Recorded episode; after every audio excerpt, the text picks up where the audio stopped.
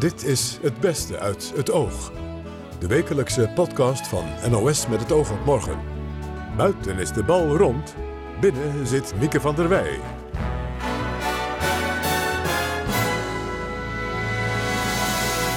Welkom bij deze wekelijkse podcast Het Beste van het Oog. De mooiste gesprekken van de afgelopen week. De brandweer kampt met een vrijwilligerstekort. Onbegrijpelijk, want... Een beetje brandje is wel leuk als er geen slachtoffers bij zijn, toch? Chris sprak marinebioloog Ron Kastelein. Ja, wat veel mensen vergeten is dat uh, dieren net als mensen zijn. Ze zijn echt allemaal anders. Je hebt uh, hele stoere en je hebt scheidluizen. En u hoort zo meteen over welk zeedier we het hier hebben. Maar nu eerst een verhaal over kamp Westerbork. Veel mensen in de Tweede Wereldoorlog werden van daaruit weggevoerd naar vernietigingskampen. Het is moeilijk voor te stellen, maar in dat kamp was er ruimte voor vermaak, cabaret. Een bonte avond voor kampbewoners en kampleiding. Te zien was onder meer het stuk Ludmila. Die voorstelling wordt de komende tijd weer gespeeld. Ik sprak erover met Mieke Tillema. Zij vertelde waarom in Westerbork deze theateravonden werden gehouden. Ja, nou, kampcommandant Gemmeker deed zich graag voor als een heel empathisch mens. En hij vond het zo geweldig goed van hem dat hij de revue niet liet uitvoeren op de dag voor het transport. Want die avond was natuurlijk heel angstig. Maar dat deed hij juist daarna. Dat was zijn goede hart, gaf dat in. Uh, want dan zouden de mensen hadden behoefte aan enige ontspanning. Ja. Dat er misschien ook mensen waren die wat minder behoefte hadden aan ontspanning, maar misschien om heel verdrietig te zijn om wat er gebeurd was, dat speelde niet zo'n rol. Want de mensen hadden geen keuze, moesten meedoen? Uh, nee, wacht, er zijn twee dingen. Het meedoen was het idee van uh, drie, is, is, is bedacht door drie belangrijke Duitse cabaretiers en pianisten en uh, toneelspelers. Dat waren Willy Rose en dat was Max Ehrlich en dat was Erich Ziegler. In Berlijn al vrienden van elkaar. Zeer populair als cabaretiers, trokken door de wereld, kwamen veel in Nederland, zijn op een gegeven moment hier hebben ze zich gevestigd, richtten het theater daar prominenten op, waar ook Wim Sonneveld nog aan mee heeft gedaan, dus dat is echt van hoge klasse. En dan komen ze in Westerbork terecht. En dan bedenken ze, we gaan hier ook dat cabaret opvoeren. Er waren allemaal uh, uh, al groepen, er was een groep muziek en dergelijke. Want Kemmerker wilde rust in zijn tent. Hij wilde dat het ontspannen was en er moest mogelijkheid zijn om bijvoorbeeld naar een revue te gaan, zodat de spanningen zouden wegvloeien. Ja, want ja, hoe bevrijdend is lachen hè, als je in zo'n situatie ja. zit? Ja. Ik denk wel dat dat heel belangrijk is. Een uitspraak van Ida Simons zelf, uh, dat schrijft ze veel later en slaat niet op Westerbork of op de revue. Maar daar zegt ze, humor is de kleurige lap die een wond moet bedekken. En he, dus niet wegvegen of denken dat die wond geneest, maar je maakt het wel lichter. En dat is ook wel wat je van heel veel mensen hoort. Ik heb natuurlijk in mijn onderzoek naar Ida Simons, over wie ik een biografie ga schrijven, uh, veel mensen geïnterviewd die samen met Ida in Westerbork zijn geweest. En één daarvan zei, iedereen zei hoe belangrijk humor was. En één zei zelfs, toen mijn moeder geen grapjes meer maakte, wist ik dat het afgelopen was. En de volgende dag stierf ze. Ja. Dus die humor was nodig. Ja. En je leest het ook veel. Ja. Ida Simons zat in Westerbork. Ja. Je zei al net, ik ben bezig met een biografie over haar. Heeft zij daar veel geschreven over haar tijd daar? Nee, ze, heeft, um, ze was toen ze daar kwam nog helemaal geen schrijfster. Ze was concertpianiste, ja. en vrij bekend. Uh, na de oorlog is ze gaan schrijven. Ze begonnen met een gedichtenbundel. Die heet Wrange Oogst 1940-1945 en dekt precies de lading. Mm -hmm. Daar is verder niets mee gedaan. Ze heeft toen veel later in 56 een uh, novellebundel geschreven. Slijk en sterren. Gebaseerd op een uitspraak die in haar Engelse familie... Haar moeder was, uh, is Engels eigenlijk. En er was, de uitdrukking was... Two men gazed through the prison bars. One saw the mud. The other saw the stars. Mm. Dus vandaar dat slijk en sterren.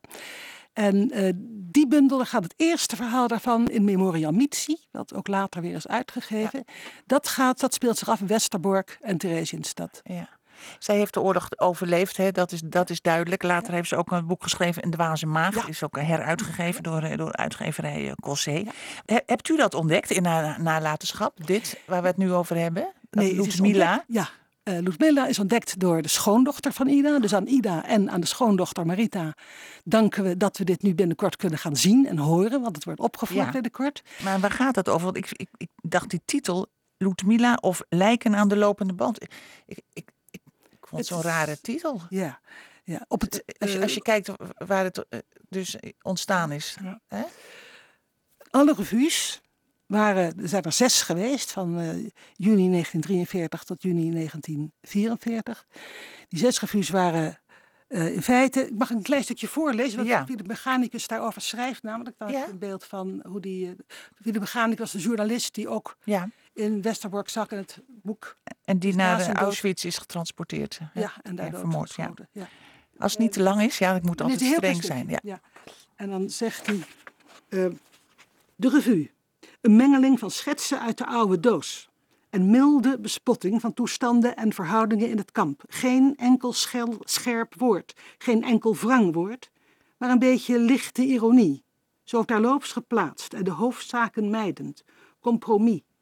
En daartegenover stelt hij, terwijl in alle barakken, op alle hoeken van de straten, mannen en vrouwen hun toekomstig lot stonden te schatten. Moeders zaten te schreien over de toekomst van hun kinderen. Mannen, vrouwen zaten te troosten. De strafbarak vol zit met mannen en vrouwen. Daar zaten de commandant en de elite der Joden van Westerbork te luisteren naar de geestigheden van Max Ehrlich, de maker van de revue, te staren naar de leutige losse dansen van Joodse vrouwen. Opvoering van een soort moderne paljas. Dat Lu- Ludmilla, waar, dat, waar gaat dat dan over? En dat, is heel bijzonder, want dat is de zesde en laatste revue. ja. En dat is dus, staat dus niet, die revue, eh, die heet dan Totaal Verrukt, heet het. Dus stapelgek. Voor de pauze zijn er allemaal sketches en dergelijke. En dan krijg je na de pauze opeens een opera. Het is een parodistische opera, maar dat is de eerste keer dat dat gebeurt. Is helemaal nieuw. En in dit geval, de tekst moest er altijd van tevoren aan Gemmeker. ja. Die kwam ook vaak kijken bij de o- o- oefeningen, bij de repetities, of het allemaal wel netjes bleef. En hier heeft hij denk ik overheen gelezen over die, eh, die opera. Want die is niet zo, eh, zoals hier staat, van nou een beetje aardige, lichte ironie. Nee. Het begint wel als een soort eh, buitengewoon eh revue-achtige opera. Mhm. Met moppen, want een van de hoofdrolspelers is gegrossierd in moppen, officieel, dat is een vak. Shock is en gros, en gros. Mhm. En die heeft voortdurend moppen in de trant van... vrouw komt bij haar man en zegt... ja, ik zal het je nu maar opbiechten. Ik ben je tweemaal ontrouw geweest. Nou, tweemaal, zegt die man, dat is niet zo erg. Nou, zegt ze, ja, maar de ene keer was met het Don Kozakkenkoor... en de andere keer met het uitgebreide Concertgebouworkest. Eh, nou, dat zijn dan de moppen. Daar wordt ontzettend om gelachen. Dat schatert in de zaal. Wordt Oké. geapplaudisseerd. Nee, ja. Eh, maar op een gegeven moment gaat het anders verlopen. Op een gegeven moment roept, ja, dus het koor is één persoon en het ballet. En het koor Ja. roept, eh, hou de zakdoeken maar vast vast, dames. Want nu gaat het anders worden. Het wordt mee. Dus er gaat bloed vloeien wie bij hem henker. Zoals bij de beul. Het was allemaal in het Duits, hè? Ja, het moet allemaal in het Duits. Wie Ja. bij hem henker. En eh, ze roepen dan, de, eh, het koor roept, licht aus, messer raus. En dat is wel even de andere toon. En dan komt de echte wrang. Het wrangste van dit Ja. hele verhaal is dat het eerst dus ook een soort luchtige, leutige moppen heeft. En dan komt dat aan het eind liggen in dat alle spelers op één na liggen dood op het podium. En de- daar komt dat lijken aan de lopende band vandaan. ja. Want, en wie is Ludmilla? Is dat dan de hoofdpersonage? Ja, dat is het hoofd. Dat is het meisje. Het is het bekende verhaal. Ah, ja. Het meisje heeft een vrijer, de vader wil een andere. Die vrijers gaat strijden. Dit wordt nu weer opgevoerd, hè? In, in de, de, de Uilenburger Schul wordt het opgevoerd. In Kamp Westerbork. Zijn Ja. in totaal elf voorstellingen, heb ik gezien. Het lijkt mij lastig om dit op te voeren en dan ja, die sfeer je, je voor te stellen. Ja, dat, eh, dat, dat denk ik ook dat het heel moeilijk is. Degenen die daarmee bezig zijn. Ik heb in de tijd, toen ik dus deze opera in handen had en begreep waar die vandaan kwam, eh, Marcel Worms benaderd. En die ook bij de eh Leo Smit ja, Stichting ja. is, eh, bezig is. Dus die was daar meteen erg voor te vinden en heeft het met een groep gedaan. En zei het moeilijkste is inderdaad om te zorgen dat je... Je kunt nooit dezelfde sfeer creëren Nee. in de zaal. Dat kan niet. Maar ik, ik heb er alle vertrouwen in. Ik zie er enorm naar uit om het vrijdag te gaan zien bij de première. Heb, heb je er al iets van gezien? Nee, nog niet. Nee. Nee. Nee, nee, Ik heb wat dingen gehoord en dat klinkt heel goed. Het Ja, klinkt heel goed. ja, ja heel bijzonder. Ja. Ja. Ik hoop dat het net zo chockvol zat, zal zitten als de Westerbork Revue. Die zat altijd chockvol. Ja. Er was reprise op reprise op reprise. En dat is het bijzondere van Ludmilla. En dat is de enige, eh, die, die, die revue is de enige die niet herhaald is. En ehm, ik denk dus dat Gemmeker bedacht heeft, ja, dit is eigenlijk te erg. Dit is eigenlijk niet zo leuk als ik altijd dacht. Want hij mocht niet nog een keer opgevoerd worden. En er mocht zelfs überhaupt geen vermaak meer zijn. Zijn Nee. smoes was Het was de laatste keer, hè, begreep ik. Ja. ja, het, is, nou, het smoes was, het was zo erg in Duitsland, we mochten nu niet meer lachen. Maar daar had hij nooit zo moeite mee gehad. Nee. En nu wel. En ik begreep dat uiteindelijk, toen die, deze voorstellingen niet meer werden eh, ge- gemaakt, dat de mensen allemaal alsnog op transport gesteld zijn. Ja. Ja. Behalve Ziegler, die, die is, Ja. die is gebleven in Westerbork. Ja. Ja, u, u had, of jij had geen enkele, dat, dat, hebt niet gedacht, moeten we dit wel doen? Je dacht meteen, ja, dit is goed, dit moeten we toch weer Ik zien. zou het heel, ja, ik dacht Ja. dat dit zou heel fijn zijn. Ook heel goed, juist om dit weer... eh, want iedereen schrikt er even van, maar dat is wel wat er gebeurde daar. U hoorde Mieke Tillema. De voorstelling Ludmilla of Lijken aan de lopende band is dit weekend te zien in Amsterdam en later ook in Kamp Westerbork. Wilfried de Jong sprak met Carrie Seidel, die bij de vrijwillige brandweer zit. Ook haar korps zoekt nieuwe leden. Ja, ja, ook wij hebben er wel last van eh, in de rente. En eh, ik zit zelf bij de Postbijlen. Ook daar hebben we al eh, actie moeten houden vorig jaar. Ja. Hoe lang ben jij al vrijwilliger bij de brandweer? Ehm, nou, ik ben al wel twintig jaar vrijwilliger. Oké, en wat was de reden voor jou om daarmee te beginnen ooit? Ehm, ja. Ehm, nou, het zit ook een beetje in de familie. Het is een soort van genenprobleem. Ehm, ja. mijn vader zat ook bij de brandweer. Dus misschien dat ik daarom wat bekender was. Dus toen ik de advertentie zag van eh brandweervrijwilligers gezocht... Ja, heb ik gesolliciteerd. Ja, maar je had, je had ook nog kunnen zeggen... Ik, ik, eh, ik, ben, ik word geen vrijwilliger, maar ik ga er fulltime bij werken. Daar heb je niet voor gekozen. Ehm, nou, dat heb ik ook even geprobeerd eigenlijk. Maar ik ben toch weer teruggegaan naar vrijwilliger. Ja, En waarom? Het leven... Nou ja, het gaat eh, zoals het dus meer in de maatschappij. eh, niet iedereen blijft 100 jaar in dezelfde baan hangen. En eh, dus ook bij mij ging dat eh, na ongeveer zeven jaar... eh, ben ik weer iets anders gaan doen. Ja, als we nu... En eh, ik denk dat eh, dat ook een beetje het probleem is van de huidige eh, eh, generatie. Of nou ja, Mhm. waarom wij ook weinig vrijwilligers kunnen krijgen. Mensen ja, houden ongeveer een baan 7 tot 10 jaar en gaan daarna weer naar een andere ja, baan. ja. Nou, hoe werkt het nou precies als je vrijwilliger bent en er niets vast zit? Hè?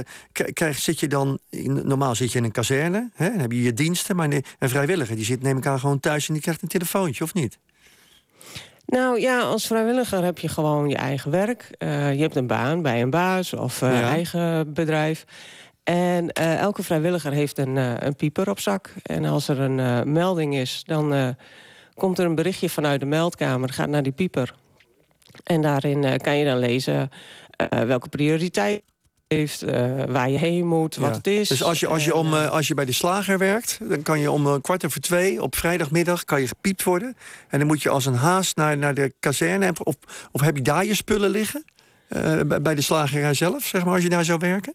Je jas, Nee noem maar je, op. moet, eh, nee, je moet wel naar de kazerne, inderdaad. Als een haas, zoals je zei, naar de kazerne. Ja, En eh, daar kan je dan je spullen aandoen. Dus je pak aan, helm op. En eh, in de brandweerauto op weg naar... ja. En je kunt, niet, eh, je kunt niet, omdat je aan het werk bent, zeggen... ja, sorry, het is druk met kerst, ik kom niet.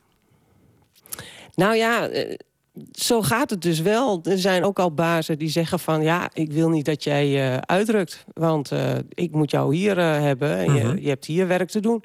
Dus je mag niet zomaar ertussenuit om vrijdagmiddag om kwart over twee. Nee. Dat, is, dat is ook een probleem tegenwoordig, Ja. denk ik. Waar moet je aan voldoen om, om voor jouw gevoel dan... Hè, om bij de brandweer te kunnen werken? Wat voor een type moet je zijn?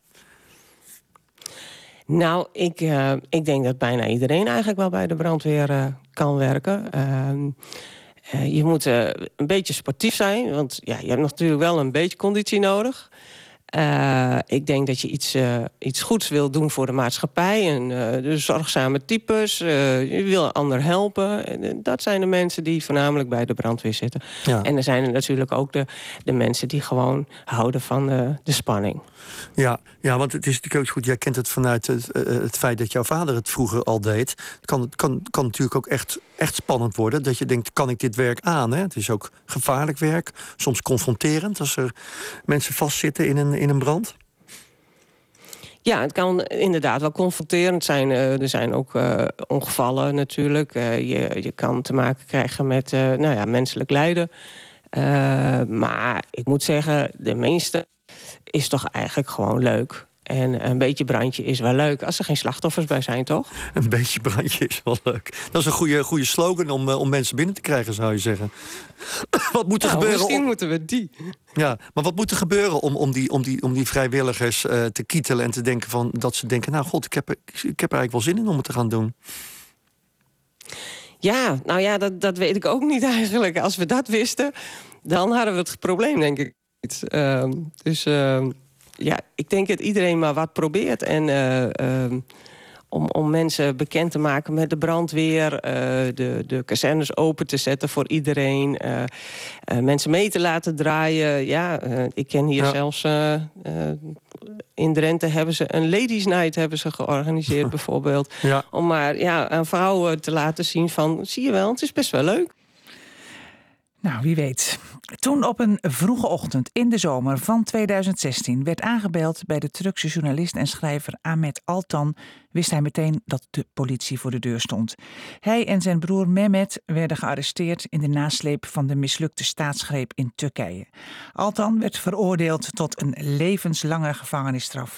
In Ik zal de wereld nooit meer zien beschrijft hij zijn eenzame opsluiting. Journalist Fidan Ekis las het boek. Ze begint met een fragment. Ik kon niet terug naar huis. Nooit meer zou ik de vrouw van wie ik hou kunnen kussen, mijn kinderen omhelzen, mijn vrienden ontmoeten, door de straten lopen. Ik zou geen werkkamer hebben, geen schrijfmachine, geen boekenkast waar ik een boek uit kon pakken. Ik zou niet kunnen luisteren naar een vioolconcert, op reis gaan, rondstruinen door boekhandels, brood kopen bij de bakker. Ik zou de zee niet kunnen zien, kijken naar een boom of de geur van bloemen, gras, regen, aarde ruiken. Ik zou niet naar de bioscoop kunnen gaan, nooit meer ei met worst kunnen eten eten, een glas wijn kunnen drinken. Ik zou geen vis kunnen bestellen in een restaurant, de zonsopkomst zien. Ik zou niemand kunnen bellen. Niemand zou mij kunnen bellen. Ik zou nooit meer zelf een deur kunnen openen. Ik zou nooit meer wakker worden in een kamer met gordijnen. Zelfs mijn naam zou veranderen. Ja, waar ging dit? Wat, wat was dit? Dit is een stuk uit dat boek van Ahmed Altan. Ja. Hè, wat hij geschreven heeft in de gevangenis. Hè? Ja, klopt. Wie is hij en waarom zit hij in de gevangenis? Uh, Ahmed, Ahmet Altan is een, uh, ja, een van de grootste schrijvers in Turkije, journalist ook. Um, hij heeft verschillende romans geschreven die ook vertaald zijn in andere landen. Dus hij is internationaal ook wel vrij mm -hmm. bekend. Hij komt uit een uh, intellectueel links nest. Een dissidentenfamilie. Dissidentenfamilie mm -hmm. zou je eigenlijk kunnen zeggen. Want zijn vader was ook vrij bekend. Uh, Chitin Altan, um, auteur ook, journalist. Heeft ook in het parlement gezeten. En die schopte eigenlijk net als zijn zoon Altan. En overigens ook als zijn zoon uh, Mehmet Altan. Amit en Mitin. Mem ah, sorry. Ach. Mehmet. Amit en Mehmet, ja. ja. het lijkt ook allemaal op elkaar, uh, tegen de uh, taboes van de. Turkse staat aan. ja. ja. als ik het zelfs al ja. verkeerd doe, dan gaat het helemaal mis. Maar waarom is hij opgepakt? Uh, officieel dan, wat is hij, de beschuldiging? Dat, de dat officiële hij... aanklacht is um, ondermijning, poging tot de ondermijning van de Turkse staat. Um, hij zou voor de coup uh, mislukte staatsgreep in 2016 ja, verborgen boodschappen hebben gegeven, samen met zijn broer overigens, Mehmet, uh, op televisie in een actualiteitenprogramma. Ja, ik parafraseer, ja. zei hij iets in de richting van uh, Erdogan is, uh, president Erdogan is op weg naar een uh, staatsgreep tegen zijn regering. Ja. En ja, zijn broer voegde daar nog iets aan toe. Maar ja, goed, dat wordt opgevat als een boodschap aan de Gulen-beweging. Die wordt verantwoordelijk gehouden voor die staatsgreep of die poging. Mm -hmm. Uh, en dat is uh, ja, de politieke rivaal van uh, pre de president ja. Erdogan. En ja, goed, dat was blijkbaar voldoende om die man um, levenslang te geven. Hij zit nu vast voor de rest van zijn leven, als er daar niks in verandert verder. Nou, ik begreep dat er geen kans is op gratie. Nee. En, Zolang Erdogan aan het bewind is natuurlijk. Ja, en geen kans op voorwaardelijke uh, vrij, vrijlating. Überhaupt um, er is er heel nadrukkelijk bij gezegd... die man komt niet meer vrij, hij mag niet meer vrijkomen. Vandaar ook die titel natuurlijk, ik zal de wereld nooit meer zien. Ja. Um, hij heeft uh, dus in dit boek eigenlijk zijn arrestatie beschreven... Ja, vrij zijn arrestatie, maar wel- zijn proces Ja. en ehm, ja, zijn gevangenschap. Overigens moet ik er ook wel bij vermelden dat hij eh, hoofdredacteur was en ook oprichter van de krant eh, Taraf. En over Taraf werd ook gezegd dat het altijd te weinig kritisch berichten over die Gulen-beweging waar ik het over had. Dus dat wordt er waarschijnlijk ook een beetje in meegewogen. Die krant is overigens eh, opgeheven na die staatsgreep. Hoe heeft hij dit boek kunnen schrijven? Ja, daarover wordt gezegd dat hij eh, notities heeft eh, meegegeven met zijn ehm, advocaat. En die zou dat zo naar buiten hebben gesmokkeld. En een bevriende collega van Ahmed Altan zou die stukjes bij elkaar hebben gevoegd. Zeg maar, ja, als een puzzel ineen hebben, in elkaar hebben gelegd. Ja, want het zijn vrij korte fragmenten. in het? Engels. Het zijn korte fragmenten. Het is heel staccato. Ja. Het is, eh, eh, kijk, hij is al niet echt iemand die heel poëtisch schrijft. Het is iemand die wel altijd door de Turks politiek snijdt. En altijd wel, ja, romans zei ik, maar vrij scherp. Dus hè, schoppen tegen die taboes.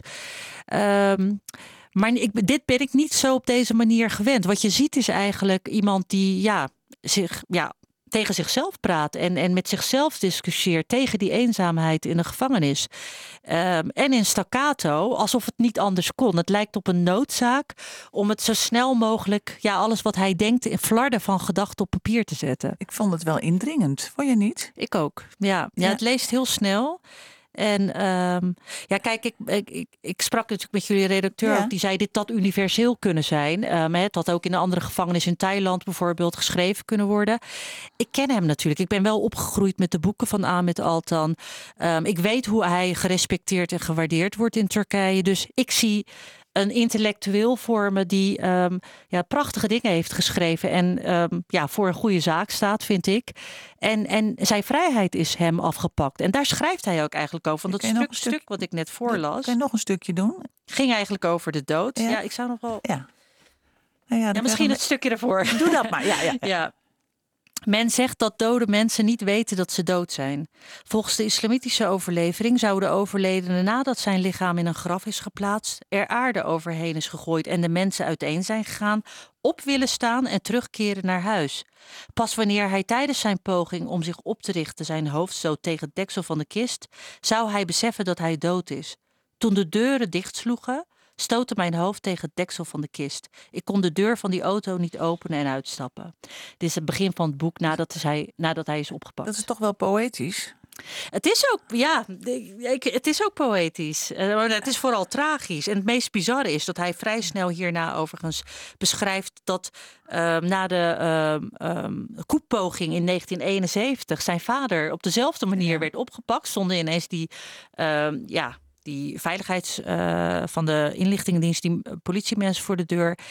En eh, ehm, die, zijn vader had die mensen toen eh, koffie aangeboden. En die wilde daar natuurlijk niks van weten. Ehm, en ehm, zijn zoon, Ahmed Altan, biedt eh, deze mensen dus thee aan. En hij zegt, ja, natuurlijk wilden ze er niks van weten. Maar wat hij eigenlijk probeert te zeggen is... jaren later is er nog niks veranderd. We zetten de klok gewoon eigenlijk nu weer terug. En ik word op dezelfde manier als mijn vader opgepakt. Heel tragisch. Ja, en er komt ook een scène in voor waarin een van die mensen die hem dan arresteert hem een sigaret aanbiedt. Ja. En dan zegt hij. Ik rook alleen als ik eh, gespannen ben. Ja. Ja, En ja, dat is eigenlijk zijn, ja, zijn wapen, hè? Om, Ja. om, om zich niet. Nou ja, hij wil zich gewoon. Ja, zich niet laten kisten dan, hè? Ja, hij zegt ook in het boek nadrukkelijk: ehm, je kunt me wel opsluiten, maar je kunt mijn gedachten en mijn vrij, de vrijheid in mijn hoofd niet afpakken. Ja, en dit zien we de afgelopen jaren. Hoor je, hoor je dat van verschillende journalisten en activisten en intellectuelen terug, die worden opgepakt. En die, hè, als ze al schrijven, zoals Jan Dündar bijvoorbeeld, die Turkije is ontvlucht, die zegt precies hetzelfde. Ik zal vanuit mijn ballingschap eh, blijven schrijven en blijven ageren tegen Ja. Maar, deze zuiveringen. ja, maar ballingschap is natuurlijk toch nog wel iets anders dan eh, opgesloten Ja. zijn in een cel. Zijn Ja. broer, die Mehmet, is ook Is opgesloten. ook opgesloten, ja. Maar waarschijnlijk zitten ze niet bij elkaar. Nee. nee. Nee. Is dit boek nou in Turkije gewoon gepubliceerd, vroeg ik me af. Ja, dit wordt gewoon goed. Ja, kijk, dat is het bizarre aan eh, Turkije toch wel. Dat iedereen zegt eh, dictatuur. Ik zeg altijd de autocratie. Maar je zag nu bij de laatste lokale verkiezingen ook dat Erdogan gewoon kan verliezen in grote steden zoals Istanbul, Ankara en Izmir. En dit soort boeken, ja, ehm, het wordt wel gepubliceerd, maar Uh, je moet er wel voorzichtig mee zijn. Alleen al het feit dat ik hieruit voorlees en, en mijn steun betuig aan um, een dissident uh, of zelfs een terrorist in Turkije, zoals Ahmed Altan, kan mij al problemen opleveren. Dus um, het is uh, niet zonder risico's. Kijk, je kunt het kopen, je kunt het lezen, maar wee als je jou op de een of andere manier de indruk wekt dat je de Gulen-beweging zou ja. steunen. Want wat zou jou hier dan kunnen overkomen? Nou ja, inmiddels is bekend dat veel van wat je in Nederland zegt, roept en schrijft, um, ja, door wordt gegeven aan um, whomever daarover gaat in Turkije, de Turkse staat. Um, en dat kan problemen opleveren. Het hoeft maar net op een verkeerd moment te zijn, weer tijdens een referendum of tijdens een verkiezingen. En jouw naam valt en dan moet een politiek, uh, Erdogan moet zijn spierballen uh, laten -hmm. zien. En dan moet een politieke daad worden gesteld en je hebt pech. Dus wat jou zou kunnen overkomen is dat je bijvoorbeeld Turkije niet meer in mag of zo? Nou, dat zou nog, uh, dat dus zou nog meevallen. Dat zou nog meevallen. Het grote probleem is dat je er niet meer uitkomt. Ja. Maar dat zou ik heel erg vinden. Want ik heb familie wel. Kijk, daarom volg ik het ook nog steeds op de voet. Ik heb familie in Want je gaat er nog regelmatig heen. Dat ze je daar dan oppakken. Dat zou je dan het, het, het risico ja, kunnen de zijn. De kans is misschien wel klein. Misschien uh, soms wordt gezegd je overdrijft het. Of uh, je weet het niet. het is gewoon ja, en don't push your luck. Ik, ik, ik weet het niet. Nee. Maar ik vind wel dat ik me hierover moet blijven uitspreken. Ja. En solidariteit moet uh, tonen. Een dolfijn bij het leger. Het is minder raar dan het klinkt. Chris Keijnen sprak met marinebioloog Ron Kastelein over een mysterieuze witte dolfijn die Noorse vissers aantroffen bij hun boot. En die dolfijn droeg een tuigje waarop stond Equipment of St. Petersburg. Ik denk dat het dier echt wel door de marine gebruikt uh, zal worden. Ook omdat uh, Amerikaanse collega's, de Amerikaanse marine, uh, een so dezelfde soort onder andere houdt. Hmm. En ook die dieren uitrust met tuigjes waar onderwatercamera's aan zitten. Ja, laten we heel even luisteren hoe het dier met het tuigje klonk bij dat Noorse schip. Ja, die komen.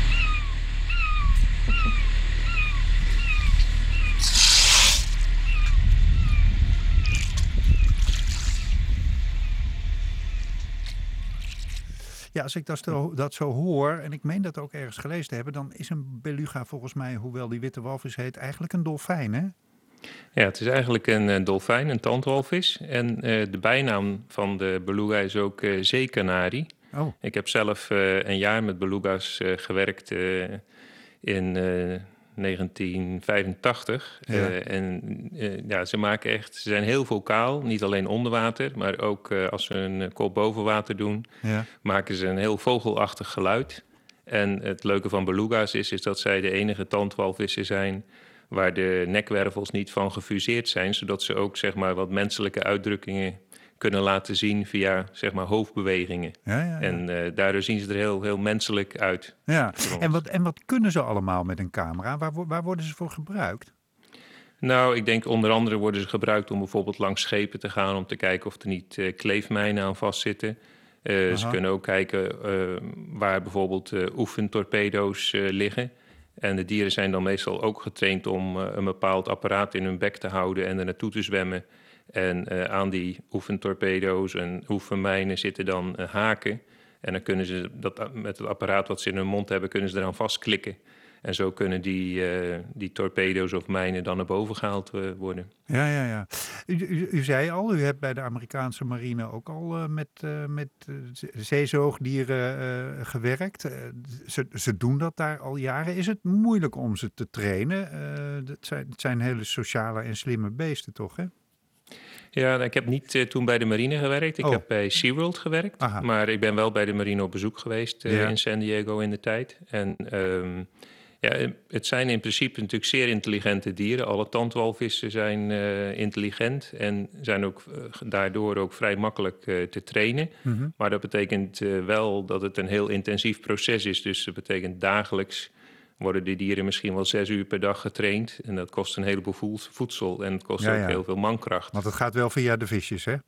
Ja, het gaat wel via de visjes. Ik Ja. bedoel, er zijn een heleboel trainingstechnieken waarbij het, hè, wat naast het geven van vis ook gewoon een beloning kan zijn. Eh, het strelen van een tong of het geven van een speeltje. Of eh, gekke geluiden zelf maken.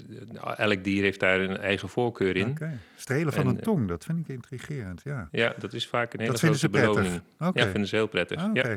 En hoe gaat het dan als ze aan het werk gaan? Want eh, ze worden dus op een gegeven moment losgelaten. Ze moeten hun opdrachten uitvoeren. Worden ze dan s'avonds weer eh, na- naar binnen geroepen of gefloten? Hoe werkt dat? Nou, kijk, ze- de- ze hebben vaak wel een vaste standplaats. En daarvan uit gaan ze allerlei oefeningen doen. En dan, meestal zijn dat drijvende bassins. En dan kunnen ze een, eh, een poort open doen. En de dieren gaan dan, eh, volgen dan meestal een klein bootje. En gaan dan oefeningen doen. Bijvoorbeeld Mhm. gereedschap naar duikers brengen die diep onder water zitten. En dat soort Mhm. zaken. Maar als er een echte oefening gedaan wordt, dan zijn ze dus ook, hebben ze ook bassins aan boord van grote schepen. En daar worden de dieren in getransporteerd. En dan vanaf een groot schip gaan ze in een kleiner bootje. En daar kunnen ze dan afglijden en kunnen ze dan, ja, waar ook ter wereld, zouden ze dan hun eh, oefeningen uit kunnen voeren. Ja, maar dan komen ze dus wel weer uit zichzelf terug naar dat kleine bootje? Of? Nou ja, de meeste dus wel, Ja. maar deze, deze, ene dus niet?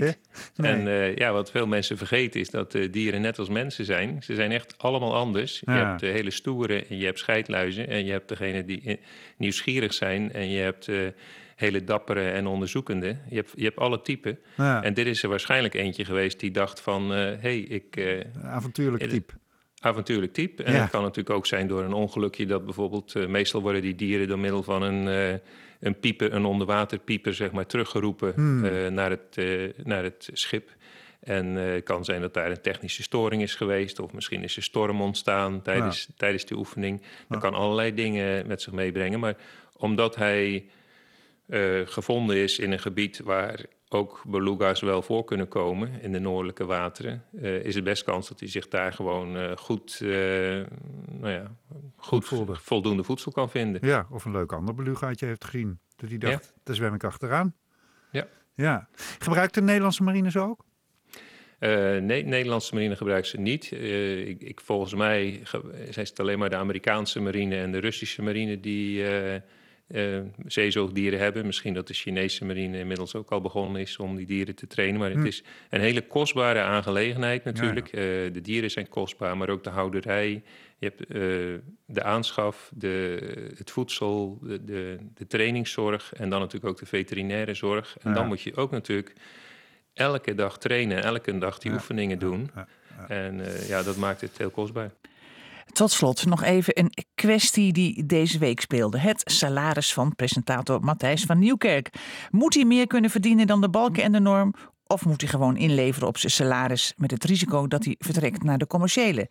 BNN-Vara wil graag voor hem een uitzondering, maar minister Slop wil er niets van weten. Het oog vroeg zich af of deze discussie ook speelt in andere landen met de publieke omroep. En we kwamen onder meer uit in Engeland. Ik vroeg aan correspondent Tim de Wit in Londen: wie is de Engelse Matthew van Newkirk? Eh, nou, de best betaalde presentator van de BBC is Gary Lineker. eh, oud voetballer, presenteert Match of the Day. Dat is zeg maar het studio sport van Engeland. En hij krijgt omgerekend, schrik niet, bijna 2 miljoen euro per jaar. En kijk je naar iemand die, die een klein beetje kan vergelijken met eh, Matthijs van Nieuwkerk... ook een talkshow-presentator, dat is Graham Norton. Dat is volgens mij in Nederland ook nog wel te zien op televisie. Nou, die zit rond de 7 ton eh, per jaar. En kijk je bijvoorbeeld naar de Britse versie van Rob Tripp... eh, de belangrijkste presentator van het BBC-journaal, dat is Hugh Edwards...